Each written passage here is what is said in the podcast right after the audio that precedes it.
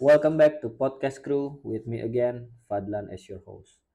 Oke, jadi di episode kali ini gue mau ngebahas tentang pentingnya ngebangun interaksi di media sosial gitu. Nah, kita mulai dari alasan dan pertanyaannya dulu. Kenapa kita harus bangun interaksi? Well, menurut gue yang namanya media sosial itu kan adalah tempat kita bersosialisasi di online ya atau ya fokusnya bukan ke medianya tapi ke sosialnya. Makanya interaksi itu jadi penting karena fungsi dari interaksi adalah uh, memastikan supaya kita bisa bersosialisasi gitu atau sebaliknya. Nah, uh, jadi dengan kita bangun interaksi, kita akan jadi punya kedekatan dan punya relatability dengan audiens kita gitu. Nggak cuma dari konten kita yang kita buat, tapi juga dari bagaimana kita berkomunikasi dengan mereka. Kemudian uh, terkait dengan uh, pemanfaatan media sosial ini misalkan untuk bisnis ya bangun interaksi itu penting banget untuk kita bisa dapetin feedback uh, untuk improvement gitu. Misalkan kalau kita udah bikin konten terus kita pengen nanya nih konten kita itu sebetulnya baik atau enggak, lalu konten kita yang diperlukan itu seperti apa. Nah, kan akan lebih enak uh, kalau kita punya interaksi yang baik dengan audiens kita gitu untuk dapetin feedback dari improvement apa yang kita buat di media sosial gitu. Dan kalau kaitannya sama bisnis juga tentunya untuk mendapatkan loyalis dan bahkan untuk jadi agent of marketing kita. Misalkan contoh, uh, kalau misalkan kita punya kedekatan dengan yang baik, interaksi yang baik dengan audiens kita, biasanya itu akan lebih mudah nih kalau misalkan kita mau cobain satu produk atau bikin satu produk uh, ke mereka-mereka ini akan lebih gampang untuk uh, support kita gitu. Misalkan beli atau kayak cobain produk kita gitu. Dan bahkan nantinya bisa jadi agent of marketing kita di mana mereka yang akan menjadi orang-orang pertama yang akan nge-share ke uh, halayak gitu atau ke circle mereka tentang bisnis kita. Jadi itu kenapa penting banget untuk yang namanya bangun interaksi.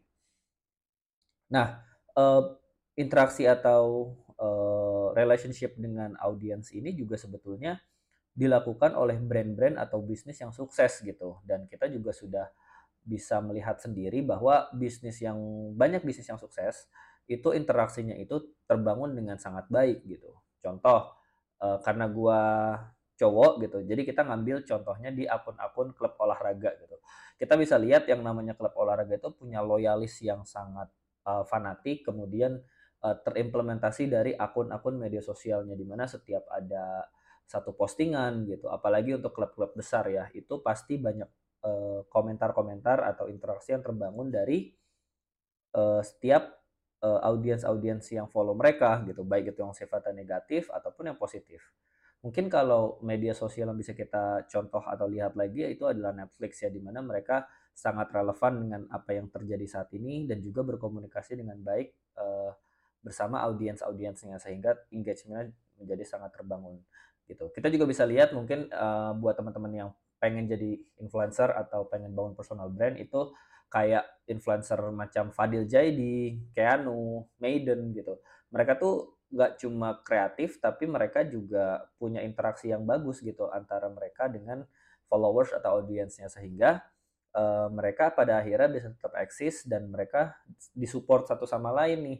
Merekanya juga kasih uh, sesuatu kepada audiensnya audiensnya pun support mereka. Jadi itu contoh brand atau bisnis yang sukses nih karena interaksinya terbangun dengan baik.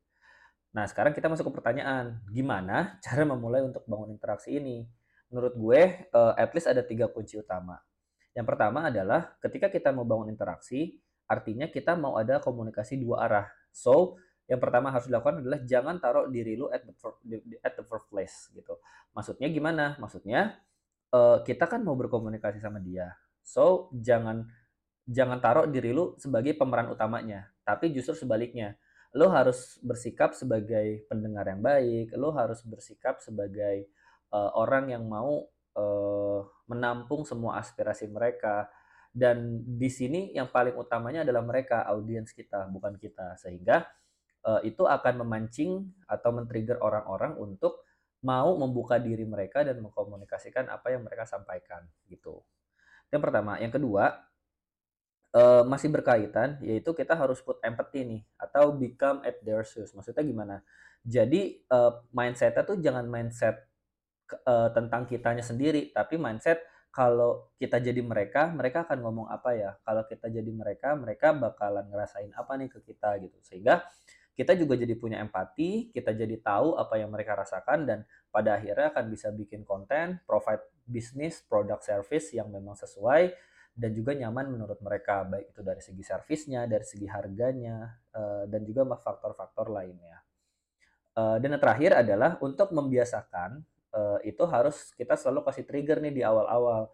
Misalkan ketika kita bicara Instagram, selalu di captionnya dikasih uh, call to action. Misalkan jangan lupa komen atau uh, menurut kalian gimana? Coba share tulis di kolom komentar gitu. Atau kayak di video-video kayak YouTube kan sel selalu bilang tuh banyak yang uh, jangan lupa like, comment, dan subscribe. Atau di TikTok kayak follow untuk tahu konten-konten uh, selanjutnya. Jadi kasih trigger hal-hal uh, tersebut untuk akhirnya menjadi kebiasaan. Sehingga orang-orang itu nanti secara tidak sadar mereka akan langsung uh, like kita, komen kita, subscribe kita dan akhirnya terbangunlah interaksi.